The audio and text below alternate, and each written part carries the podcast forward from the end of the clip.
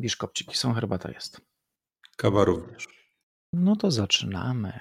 Słuchasz podcastu Fundacji Bezpieczna Cyberprzestrzeń, audycji komentującej bieżące wydarzenia ze świata bezpieczeństwa teleinformatycznego. W czasach niepewności ciągłych zmian jedna rzecz jest pewna. Słuchasz epizodu 291 podcastu CyberCyber, Cyber, w którym dziś spotykają się Mirek Maj i Łukasz Jachowicz. Produkcja podcastu wspierana jest przez Koncert SA. Dziękujemy. Mam wrażenie, że dziś trochę będziemy zahaczać o politykę, o, o, o wojnę, o dezinformację, czyli generalnie piąta domena w pełnej krasie. A trochę na ten temat mnie w każdym razie ściągnęła e, wypowiedź pewnego znanego kucharza, kucharza Putina, Jewgenija Prigozina, który w przeddzień amerykańskich wyborów uzupełniających do kongresu powiedział no coś w stylu takiego, że on i jego ludzie wpływają, wpływali i będą wpływać na amerykańskie wybory. No, jak ze strony kulinarnej, to dosyć ciekawe stwierdzenie. Cześć. No, ciekawe, no bo to jest słynny kucharz, który dużo już ugotował w polityce i miesza, jak widać, przynajmniej tak twierdzi. Być może to są jakieś przechwałki również e, w tym kotle, w cyberkotle, w którym e, od lat właściwie podajemy co chwilę. No trudno pewnie by było w tej chwili sobie odtworzyć te odcinki, ale myślę, że było ich co najmniej kilka, jeśli nie kilkanaście, w których wspominaliśmy o tym, o tak zwanym wpływie strony rosyjskiej na amerykańskie wybory, jeśli dobrze pamiętam, 2016 rok. E, I no, różnych operacjach mniej lub bardziej wykazanych, no ale jest wykazane przynajmniej jedna bardzo konkretna rzecz, że Departament e, Stanu e, oferuje 10 milionów, zdaje się, za informacje na temat tego, w jaki sposób konkretnie kucharz Putina, czyli Prigorzin, jest połączony z tą, z tą operacją wpływu, no to oczywiście ma pewnie w jakiś sposób e, powiązanie z tym mocnym okresem napięcia w relacjach międzynarodowych, już na, na wszystkich właściwie liniach. Pewnie gdzieś tam ktoś e, wyskakuje. To jest taki człowiek, który też jest powiązany z grupą Wagnera, jeśli dobrze kojarzę, tak. więc tutaj. I on e, też odpowiadał za te petersburskie farmy troli. Tak, no to, to, to są różne rzeczy do różnych takich rzeczy, które pewnie jak to się mówi, nomen omen właśnie w kuchni politycznej się gotuje i później wykorzystuje. E, to jest taki człowiek pewnie do, do specjalnych e, zadań. I pewnie, e, znaczy, ja, ja bym nie nazwał tego oficjalnym przyznaniem się, no bo, no bo to nie jest osoba, którą można, której wypowiedzi można przypisywać do oficjalnych wypowiedzi, no niemniej jednak na, na tyle blisko kojarzona i wielokrotnie udowodniane te relacje są z, bezpośrednio z władzą na Kremlu, właśnie pana Progozina, Prigozina, że no myślę, że trzeba by było no jakby gdzieś tam dołożyć do tej historii wpływu rosyjskiego na, na wybory amerykańskie. Tego przeszłego, jak e, twierdzi e, grażdanin Progozin, również przyszłego, tak? No bo on mówi o tym, że nie, nie tylko wpływali, ale będą wpływali.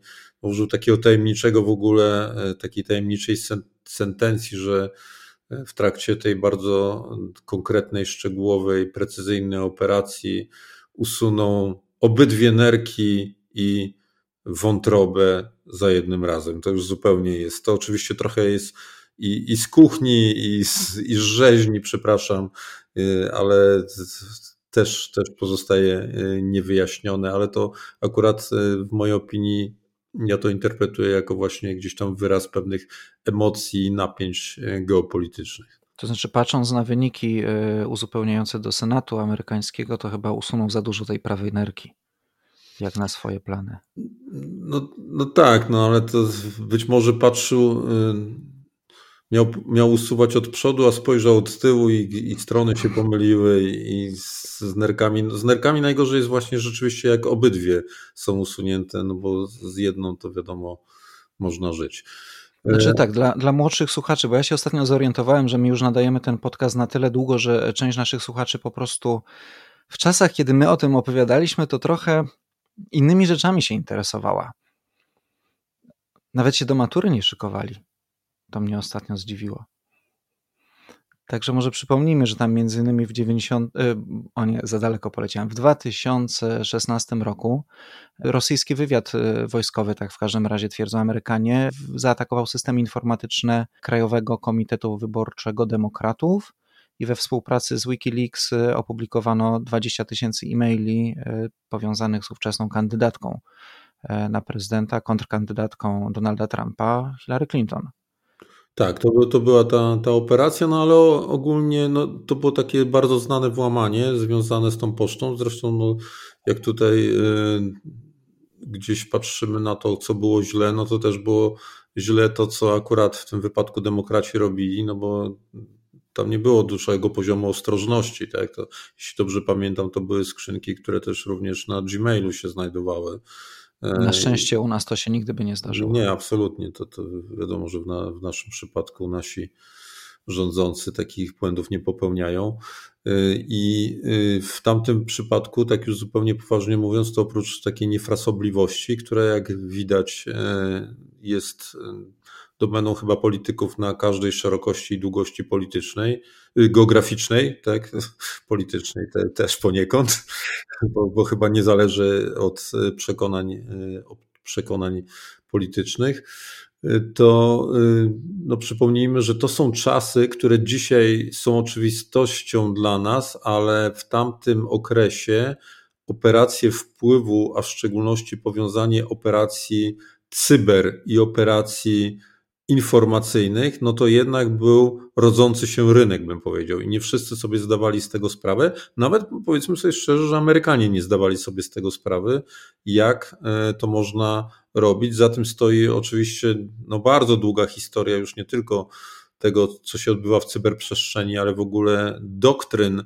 e, oddziaływania informacyjnego, takiego dezinformacyjnego również, e, które no można liczyć w, w, dziesiątkach lat, bo, bo, sięgają historii jeszcze sprzed II wojny światowej, kiedy E, zresztą obydwa bloki polityczne w różny sposób używały tego i, jak to się. Związek Radziecki od samego początku ładował w to na najlepszych ludzi i duży budżet. Tak, tak, ale, ale swego czasu Amerykanie też byli bardzo dobrzy w tym. Ja mam wrażenie, że trochę w, w pewnym okresie takim e, zaniedbali trochę ten, albo nie docenili wagę tego, e, jak w przyszłości to może jeszcze być skatalizowane na przykład e, poprzez techniki informacyjne, a tutaj no chyba niestety trzeba przyznać Rosjanom, że oni to zrozumieli i bardzo szybko również na to, e, na tę domenę oddziaływania się przenieśli. Ja w ogóle szykując się do tego odcinka sobie przypomniałem taką informację sprzed dwóch lat, e, że Rosjanie włamali się do systemu ukraińskiej spółki energetycznej Burisma szukając materiałów na Joe Bidena. Pamiętasz coś takiego? Chyba w ogóle o tym nie rozmawialiśmy. Przeszło nam to jakoś. A, to, a to, rzeczywiście nie pamiętam. To, to chyba musiało nam przejść. Tak, także musimy się jeszcze dokształcić, bo ewidentnie dzieje się więcej niż nam się wydawało i inni o tym wiedzą, a my nie. E, ale my na przykład pamiętamy, mm, że e, nie tylko Amerykanie są narażeni. W którymś z odcinków opowiadaliśmy o tym, że były wybory prezydenckie we Francji i wówczas sztab Emmanuela Macrona E, wiedząc, e, co się stało mm, e, z mailami Hillary Clinton, nie wiem czy pamiętasz, przygotował fałszywą kampanię anty, antydezinformacyjną i pozwolili się Rosjanom włamać na sztucznie przygotowane skrzynki pocztowe po to, żeby oni biedni przeczesywali, szukali godzinami, tracili czas, przeglądając fejkową korespondencję. W Polsce Oczywiście nie wiadomo, kto to zrobił, ale też były takie akcje dezinformacyjne połączone już e, z naruszeniem cyberbezpieczeństwa. E, wystarczy przypomnieć e, informacje, które pojawiały się nagle na niektórych lokalnych serwisach internetowych, mm, lokalnych mediów i konta twitterowe, prawdziwe konta twitterowe polskich polityków, na których pojawiały się wpisy nawiązujące do tamtych wiadomości albo w ogóle mm, puszczające dezinformacje. Także e, Prigozin przyznał się do tego, że grzebał e, za granicą daleką, ale trochę bliżej też ktoś grzebał i no, ja źródeł upatruję częściowo na wschodzie. Ja być może się powtarzam, bo może wydaje mi się, że już w którymś odcinku o tym mówiłem, ale zawsze te y, operacje służb, służb specjalnych, które mają kilka warstw swoich, to mi się kojarzą y, z bardzo dobrą lekturą, którą zawsze polecam w, w takiej sytuacji Gilberta Keita Chestertona, Człowiek zwany czwartkiem, gdzie generalnie rzecz biorąc, nie zdradzając szczegółów, no, służby ganiają służby, nie wie, inne służby, nie wiedząc o tym, że są służbami. Y, I trochę nieraz te operacje informacyjne, które mają udawać albo nie udawać operacje informacyjne, dokładnie tak, tak wyglądają. Była taka piosenka kabaretu Otto, Stirlitz i Kloss. E, jeżeli ktoś jej nie zna, to ją można znaleźć na popularnym serwisie z wideo i ta piosenka ma puentę. I trzeba jej wysłuchać i dotrwać do puenty, ale jest fajna. Młodszym powiem tylko, że Sztyrlic to był radziecki e, as wywiadu, a Klos polski as wywiadu. Dzisiaj Łukasz tutaj nas kreujesz na nestorów e, no, wszelkich tematów. E. Nie, to, to tro, tro, trochę dlatego, że prowadziłem ostatnio szkolenie z mm, różnych kwestii związanych z bezpieczeństwem dla ludzi, którzy pracują między innymi na rzecz bezpieczeństwa naszego państwa i tam wspomniałem między innymi, że używam Linuxa od 95 roku, więc już go trochę zaczynam rozumieć i w tym momencie jeden z słuchaczy zaczął się zwijać ze śmiechu, bo to był rok jego urodzenia. No, no nie, Co nie, nie wiem jak skomentować. Ja też nie wiedziałem, więc przeszedłem do tematu dalej.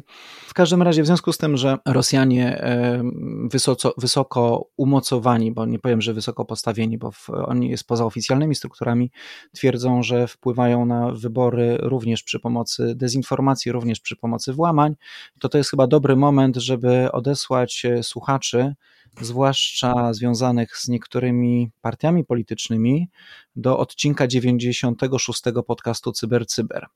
E, bo ja może zdradzę trochę podcastowej kuchni. Otóż e, e, kilka dni temu rozmawiałem z Mirkiem powiedziałem: Mirek, Mirek, oni znowu chcą zrobić wybory przez internet. A Mirek powiedział: Nie, nie będę rozmawiał o tym po raz kolejny. Ja powiedziałem, że nie wiem, czy mi się kolejny raz o tym rozmawiać. To, to wbrew pozorom jest bardzo poważny temat.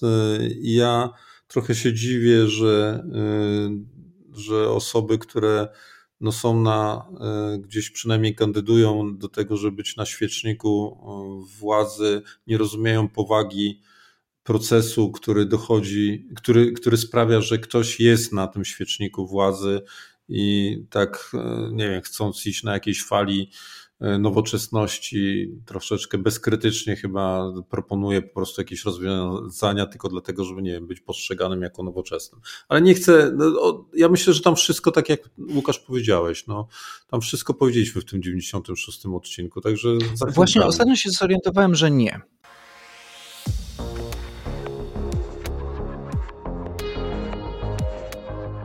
Partnerem strategicznym podcastu CyberCyber Cyber jest Koncert SA, lider na polskim rynku cyberbezpieczeństwa. Sprawdź nas na www.koncert.pl.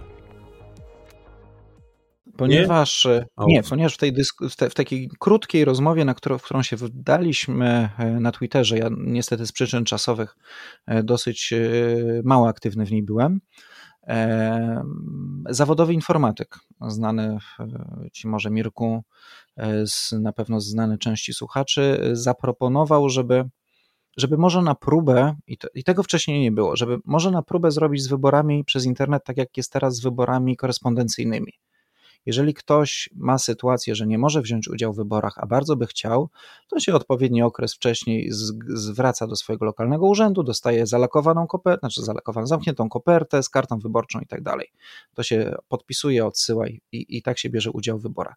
I on zaproponował, żeby może zrobić te wybory przez internet w taki sam sposób. Skoro już chcecie wprowadzać e, je pilotażowo, to zróbmy tak, żeby najpierw trzeba było iść do urzędu, dostać jakiś tam zestaw dokumentów, który posłuży do tego, żeby odgłaś, oddać ten głos przez internet. I moja pierwsza myśl była: OK, to może być dobrym pomysłem. Po czym 5 sekund później zakrztusiłem się kawą, bo sobie pomyślałem: Nie, bo w tym momencie budujemy infrastrukturę, którą później jednym przełączeniem guziczka przełączymy na zbieranie głosów od wszystkich. Tak samo jak, nie wiem, zbudujemy system, który e, robi deep, deep, Packet Inspection, przesłuchuje cały ruch internetowy po to, żeby wyszukiwać, e, żeby już nie, nie zahaczać o, o, o pornografię, wyszukiwać terrorystów, ale to jest dokładnie ten sam, to, ten sam mechanizm i ta sama infrastruktura, która jednym przełączeniem guziczka będzie służyła do tego, żeby wyłapywać przeciwników politycznych, ich odcinać, cenzurować czy wyłapywać. Więc wydaje mi się, że to jest zły pomysł otwieranie tych drzwi. Jak słuchałem Ciebie, to trochę podobne miałem tok rozumowania na początku. Mówię, a może rzeczywiście, ale później mnie przekonałeś tą, tą swoją argumentacją.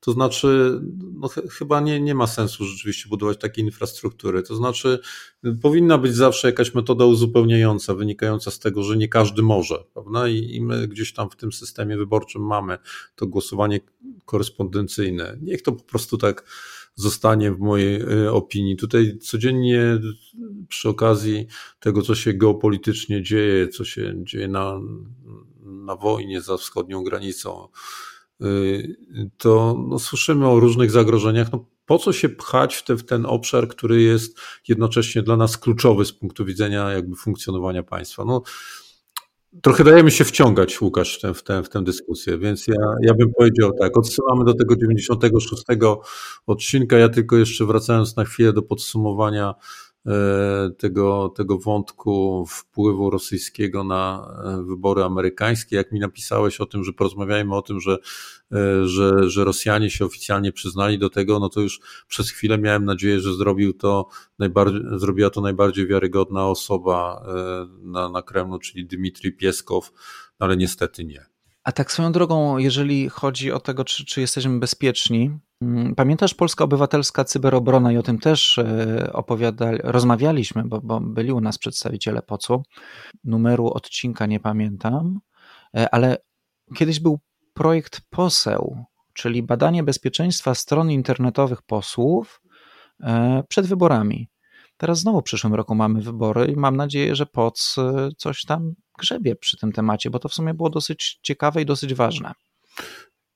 Tak, i myślę, że sami musimy się włączyć w to, żeby namówić do powtórzenia tej operacji, tym bardziej, yy, no, że to staje się naprawdę istotne. Dużo się zmieniło od tamtego czasu.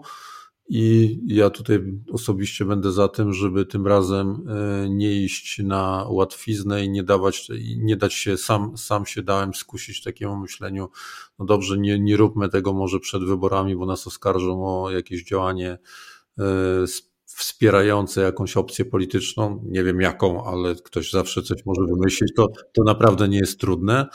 E, a, a teraz nie, niech każdy sobie interpretuje, jak to, jak chce, ale no, jak ktoś nie wierzy, że ten poziom bezpieczeństwa e, naszych rządzących, tak, którzy zasiadają w parlamencie na bazie informacji o tym, jak sami utrzymują swoje portale informacyjne, jest bardzo niski, no to myślę, że raz, że może zajrzeć do tamtego raportu.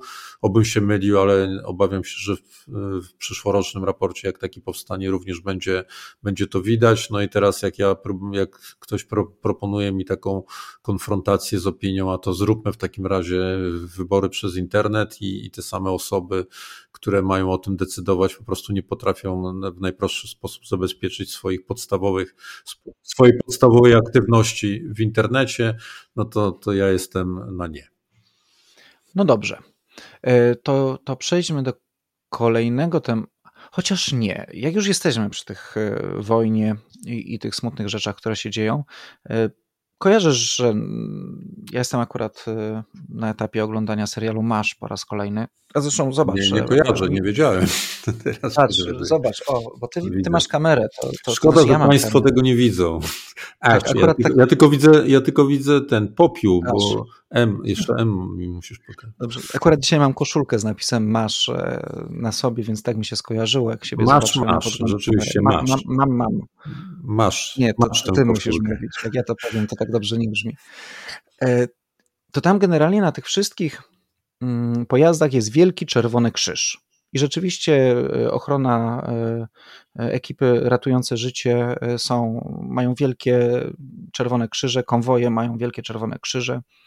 Nawet w czasie II wojny światowej no niestety czasem były nadużywane i, i, i, i e, wojska jednej ze stron, e, również swoje transporty wojskowe zdarzało się na statkach, próbowali chronić e, znakiem Czerwonego Krzyża, bo Czerwony Krzyż znaczy ratujemy życie, nie atakuj nas. I ostatnio przeczytałem w internecie propozycję, żeby systemy informatyczne służby zdrowia te, które są tak szczególnie ważne, e, które są niezbędne do tego, żeby ratować życie, albo których uszkodzenie by naraziło czyjeś zdrowie lub życie, oznaczać w jakiś sposób cyfrowy. Hej, zalogowałeś się do systemu, fajnie, świetnie, że jesteś doskonałym włamywaczem, ale jak nas zaszyfrujesz, to ktoś umrze.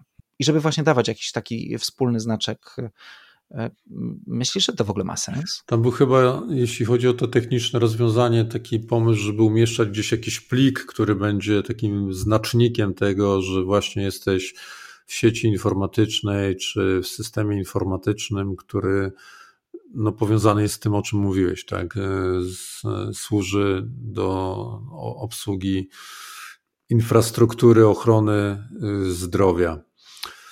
Jest co, no, czy to ma sens? Pytasz mnie. No z, z punktu widzenia symbolicznego pewnie tak, z punktu widzenia e, takiego rzeczywistego, merytorycznego, ja po prostu w to nie wierzę. Widziałem ten komentarz Bruce'a Schneiera, że no on też w to nie wierzy, ale właściwie dlaczego nie spróbować, bo takie kłopoty też się zdarzają, że prawdziwy ten czerwony krzyż, który jest wymalowany rzeczywiście na, na pojazdach gdzieś tam albo na budynkach, które po prostu w rzeczywistości istnieją, nie są tylko w świecie wirtualnym, to też nie jest tak, że zawsze to na 100% działa. No ale tutaj chyba jeszcze bardziej nie będzie działało. No, jestem mocno sceptyczny z punktu widzenia e, rzeczywistego e, oddziaływania takiego, takiego systemu, nawet jeżeli on zostanie stworzony, nie do końca sobie wyobrażam. Tutaj pełno jest problemów związanych e, z tym, no, że historycznie to wiemy, że nikt się za bardzo tym nie przejmuje, bo tu przypominam, że takie deklaracje albo różne oczekiwania w stosunku do środowiska cyberprzestępczego y, w przeszłości się pojawiały, że no akurat nie, z punktu widzenia etycznego to nie powinno się dziać. No ale ja przypominam Łona Kraj w 2017 roku, który był wprost wymierzony w sektor e, ochrony zdrowia, a przede wszystkim przypominam e, początek 2020 roku, gdzie niby to właśnie grupy cyberprzestępcze same deklarowały że no nie, no teraz tutaj wszyscy jesteśmy w tak nieszczęśliwej sytuacji, nadchodzi wielka pandemia, nadeszła wielka pandemia i właściwie no, pamię- już dzisiaj być może nie pamiętamy, tak, bo może chcemy mentalnie szybko zapomnieć o tym, co dwa i pół roku temu było, ale była generalnie panika, tak, i, i ta panika się udzieliła niby w pozytywny sposób takiego nieszczęścia w grupach cyberprzestępczych, że one deklarowały, że nie będą atakowały sektora, który jest y, w pełni się poświęca dla ratowania życia ludzkiego i powstrzymania tej, tej pandemii. No a później sobie ja przypominam całą masę przypadków, i w ogóle tego, że nawet było dokładnie odwrotnie, że właśnie w związku z tą krytycznością funkcjonowania sektora służby zdrowia, ochrony zdrowia, no właśnie ten sektor, jak patrzę na statystyki, rzeczywistość jest taka, że od, e, przez te ostatnie kilka lat właśnie to jest sektor o jednej z największych to jest jedna z największych dynamik, jeśli chodzi o wzrost zagrożeń i wycieku danych i na przykład ransomware'u i tak dalej, i tak dalej. Ja po prostu w krótko w to, krótko mówiąc w to e, nie wierzę, jakoś nie, nie kojarzę w żaden sposób zachowań etycznych ludzi, którzy stoją za, na przykład za, ransomware, za ransomwarem i włamaniami. No, no ale, no ale tak, przepraszam, no, no ale tak no generalnie rzecz biorąc, dlaczego miałbym... Nic to nie kosztuje. Dobra, ozna, oz, oznaczmy to, no i zobaczmy to, no, no bo być może technicznie to nie jest jakiś wielki problem, no umówmy się na tym, że Czerwonym Krzyżem to jest taki plik, plik readme I'm Red Cross, tak? tak. E, prawda? Tak don't hack me.txt. Albo don't hack, don't hack me I'm, I'm Red Red Cross, czy w jakikolwiek sposób funkcjonujący, nie wiem, w, w komunikacji, w protokole sieciowym albo, albo na albo w, w main directory na, na, na serwerze, tak? I, I umówmy się, że e, poprośmy grzecznie, drodzy cyberprzestępcy, jak będziecie pisali swój malware, to zróbcie tam taki, taką linijkę if you find uh, read me I'm Red Cross stop hacking, tak, prawda? No to po prostu się nie stanie. No ale dobra, zróbmy to. No. Wiesz, że wtedy tych, u których się wykryje ten e, plik, a którzy nie są służbą zdrowia, trzeba będzie do więzienia za podszywanie się? No tak, no właśnie. To jest jeden z tych problemów, że nagle się okaże, że wszyscy jesteśmy służbą zdrowia. E, I problem jakby atrybucji po obydwu stronach wystąpi, co ciekawe, prawda? Bo do tej, pory, do tej pory zazwyczaj mówimy o tym, no, no ciężko jest ustalić, kto tam się włamuje, bo jest tak zwany problem atrybucji który z czasem swoją drogą zanika, bo tam nie, nie bardzo ktokolwiek się przejmuje z tym, że ustalono, że to jest tamten albo tamten, no ale teraz będzie w, w drugą stronę. No nie, no nie możemy stosować tej metody, ponieważ wszyscy nadużywają po prostu już i wkładają ten, ten plik e, z czerwonym krzyżem do, na, na swoje serwery. No nie, no informatycznie to po prostu nie zadziała, ale jeśli ktoś, jeśli za tym stanie jakaś. Ja, ja bym powiedział, ja sobie myślałem o tym i sobie tak pomyślałem, że ja tu widzę ewentualnie, gdybym chciał szukać jakiegoś pozytywu, to ewentualnie jakikolwiek sukces tego typu akcji, nie w technicznym rozwiązaniu i takim sobie powiedzeniu, no nie róbmy tego, tylko no naprawdę w jakiejś, e, bym powiedział, takiej akcji, programie społecznym uświadomienia tego, żeby nawet trudno powiedzieć, że skierowanym do cyberprzestępców, bo trudno tutaj jakby do, do nich kierować, ale takiego wytworzenia takiej, takiej presji społecznej, takiego bardzo jasnego potępienia dla takich, takich działań, które pewnie historycznie istnieje w stosunku do świata fizycznego, tego, że no jak jest na budynku, e, na dachu budynku ten czerwony krzyż, no to to znaczy, że to jest szpital i tak dalej. I, i oczywiście on historycznie widać, że może być zbombardowany, ale wtedy nie mamy żadnych wątpliwości co do oceny tej, tej sytuacji. E, I zbudowania takiej, takiego, takiej świadomości, no po prostu no w społeczeństwie, tak, wśród wszystkich, żeby to było, to było jasne, tak? Ale, ale jeżeli to ograniczymy na takiej zasadzie, no tutaj w świecie technokratów po prostu się umówił na coś takiego, to no niestety to nie zadziała moim zdaniem. Zawsze można to e, zweryfikować takim niebieskim badge'em, jak na Twitterze. Nie jak widzisz taką tu, tu, tu, konto twitterowe takiej. Myślisz, że każdy szpital jak zapłaci 8 dolarów, e, że e, właśnie w sposób uprawniony umieścił sobie ten, ten plik, jest już mamy tutaj zaświadczenie, że on naprawdę jest szpitalem, to już go nikt nie zaatakuje. Nie, no ja myślę, że taki tweet musiałby mieć jeszcze, mm, tu mam taką fajną statystykę, 1798 retweetów i 12 800 lajków. E, jak na przykład, e, w związku z tym wtedy to jest na pewno informacja, że to jest autentyczne, tak jak w blockchainie, prawda? Dużo masz podpisów pod tym, to znaczy, że to jest ok, już zostaje w tym blockchainie. O nie, użyłem słowa blockchain i zaraz ktoś wymyśli, żeby podpisywać szpitale blockchainem, NFT i czymś jeszcze. Ale chcesz, a, czyli tutaj jakby taką e, proponujesz ekstremalną e, sieciową demokrację, że jeżeli coś ma bardzo duże poparcie, to musi być prawdą. Tak, na przykład taki tweet y, zweryfikowanej, bo miała niebieskie, e, niebieskiego badge'a firmy, mm, konto firmy farmaceutycznej Eli Lilly, która oficjalnie ogłosiła na tym koncie, że od dzisiaj insulina za darmo. Na przykład. No. I nie wiedzieć czemu jej akcje spadły o 4,5%. I akcje innych firm farmaceutycznych też tak poleciały. Dobra, Łukasz, powiedz wreszcie o czym my mówimy. mówimy słuchacze, o nasze, myślę, że słuchacze wiedzą, ale... Znaczy, ale na przykład za 10 lat nie będą wiedzieć archi, e, ci, którzy, no, którzy wiadomo, że, słuchać. Tak, tak, że mamy tutaj po prostu niewiarygodną liczbę odtworzeń historycznych naszych odcinków. Tak, tak. Nie, ale nie, dla mnie to jest po prostu coś niesamowitego, jak w bardzo krótki sposób, bardzo krótkim czasie można zupełnie bezmyślnie wywołać zalew fejkowych informacji, robiąc, pozwalając każdemu za 8 dolarów, czy nie każdemu, bo 8 dolarów to jednak trochę kosy jest, dostać y, Blue Badge'a, który na Twitterze dla osób y, za 10 lat to był taki w miarę popularny serwis z krótkimi wiadomościami. E, na Twitterze informuje o to konto zostało zweryfikowane przez ekipę Twittera. E, I to jest po prostu coś niesamowitego, że z dnia na dzień zmieniono politykę przyznawania Blue Badge i to z dnia na dzień przestało oznaczać konto zweryfikowane, a oznacza konto, które płaci.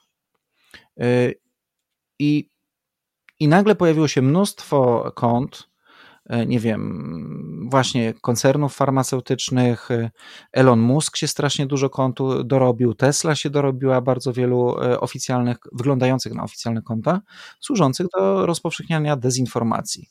Korzystając z tego, że konto zweryfikowane przestało być z dnia na dzień wyróżnikiem.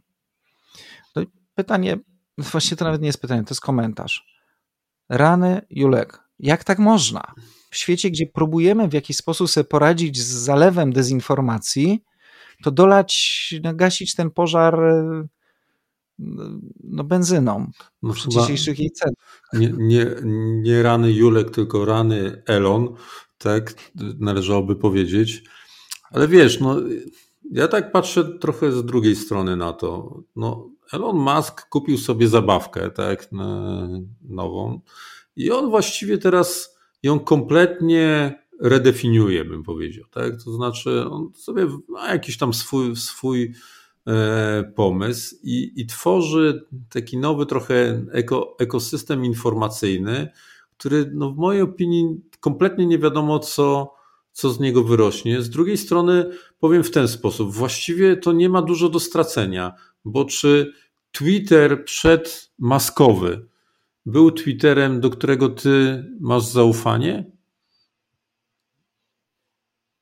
Miałeś, tak, no albo no, nie wiem, częściowo jeszcze siłą inercji istnieje, powiedzmy. Mia miałem zaufanie do tych kont, które samodzielnie zweryfikowałem, że są kontami wiarygodnymi. No tak, ale zobacz, nawet w tej Nawet nie wiem, czy tam którą... chociaż jedno z Blue było. No tak, ale, ale tutaj nawet z tego, co sam mówiłeś, no bardzo szybko już te, te, te koncerny farmaceutyczne czy kolejnych masków no oni są wykrywani, że mimo tego, że są, e, że są Twitter Blue, no to już wiadomo, że, że nie są. I to wszystko po prostu widać, że to nie jest system realnego, realnej autoryzacji, realnego uwiarygodnienia po prostu e, tych kont. No, Musk sobie wymyślił, on, on nawet troszeczkę e, to uzasadnił bardziej merkantylnie, bym powiedział. Tak? On, on tak. powiedział, że za to trzeba płacić. Mi akurat troszeczkę jakby się, znaczy tak, spodobała mi się ta, ta śmieszna analogia do, do sketchu e, Monty Pythona, w którym on mówi, że właściwie ten pomysł, nie wiem czy to spotkałeś się z tą, z tą informacją, e, że on ten pomysł e, zaciągnął z jednego ze sketchów cyrku Monty Pythona, w którym po prostu trzeba płacić za to, że przychodzisz się pokłócić. No taki był argu, argument, tak? Taki, ja taki. niestety mam wrażenie, że on zaraz skończy ze zdechłą papugą. No, znaczy, tak, no być może tworzy w ogóle mój i w to wszystko zmierza być może do mojego drugiego, no się nie mówię, że ten, ten, ten argument też bardzo lubię, no ale w ogóle mój, moim ulubionym sketchem to jest ten e, Killing Joke, tak, czyli po prostu tak. ten być może to do tego zmierza, tak? Że, że w którymś momencie po prostu wszyscy ze, ze śmiechu umrzemy, czym jest ta bańka informa, informacyjna, bo to właściwie nie ma za bardzo e, wiarygodności. Tak naprawdę w tym, w tym Twitterze e, moja obserwacja taka wieloletnia jest taka, że no, no, no no jest szukanie to coraz bardziej sensacji niż wiarygodnych i, i, informacji. Historycznie ci, którzy są wiarygodni, to też jest niebezpieczne, bo przypominam sobie e, no, zupełnie poważne i niebezpieczne akcje, operacje informacyjne, które by na przykład w świecie ekonomicznym miały negatywne skutki, na przykład włamywanie się na serwisy, na, na konta twitterowe poważnych agencji informacyjnych i publikowanie pewnych informacji, które no, miały po prostu od razu odzwierciedlenie na przykład na rynku giełdowym i, i, i wyprowadzanie miliardów dolarów po prostu na przykład z tego, z tego rynku w ten, w ten sposób. Więc generalnie rzecz biorąc, jak chcesz to wierzyć, to to wiesz. Jak chcesz za to płacić, to za to płać. To jest taki po prostu wolna amerykanka się zrobiła e, rzeczywiście. Ja powiem Ci szczerze, e, osobiście coraz rzadziej traktuję e, Twitter, jak zresztą niestety chyba większość już w ogóle mediów społecznościowych jako, jako źródło jakiejkolwiek informacji, która jest dla mnie, dla mnie wiarygodna. Nieraz czytając też o tym właściwie, to troszeczkę miałem też takie, taką przewrotną myśl, że może jest taka, rzeczywiście po, przychodzi taka era, w której no, historycznie to my cały czas musieliśmy płacić za to jako odbiorcy, za dostęp do informacji, no na przykład, nie wiem, abonamenty telewizyjne i tak dalej, i tak dalej. Może rzeczywiście ktoś powinien zacząć coraz więcej płacić za to, że chce informacje puszczać. I, się koncesja radiowo-telewizyjna tak, nazywa. Albo, albo dostać taki prawdziwy license tak, do, do tego, żeby mieć taką koncesję, a ja chcę już nawalać tymi bzdurami po prostu w sieci, to po prostu może rzeczywiście niech, niech on płaci. Zresztą zwracam uwagę, że w pomyśle Maska trochę jest coś takiego, bo jedno z przywilejów, które, jeden z przywilejów, które on proponuje za to płacenie, że to jest to, że będziesz miał o 50% mniej reklam.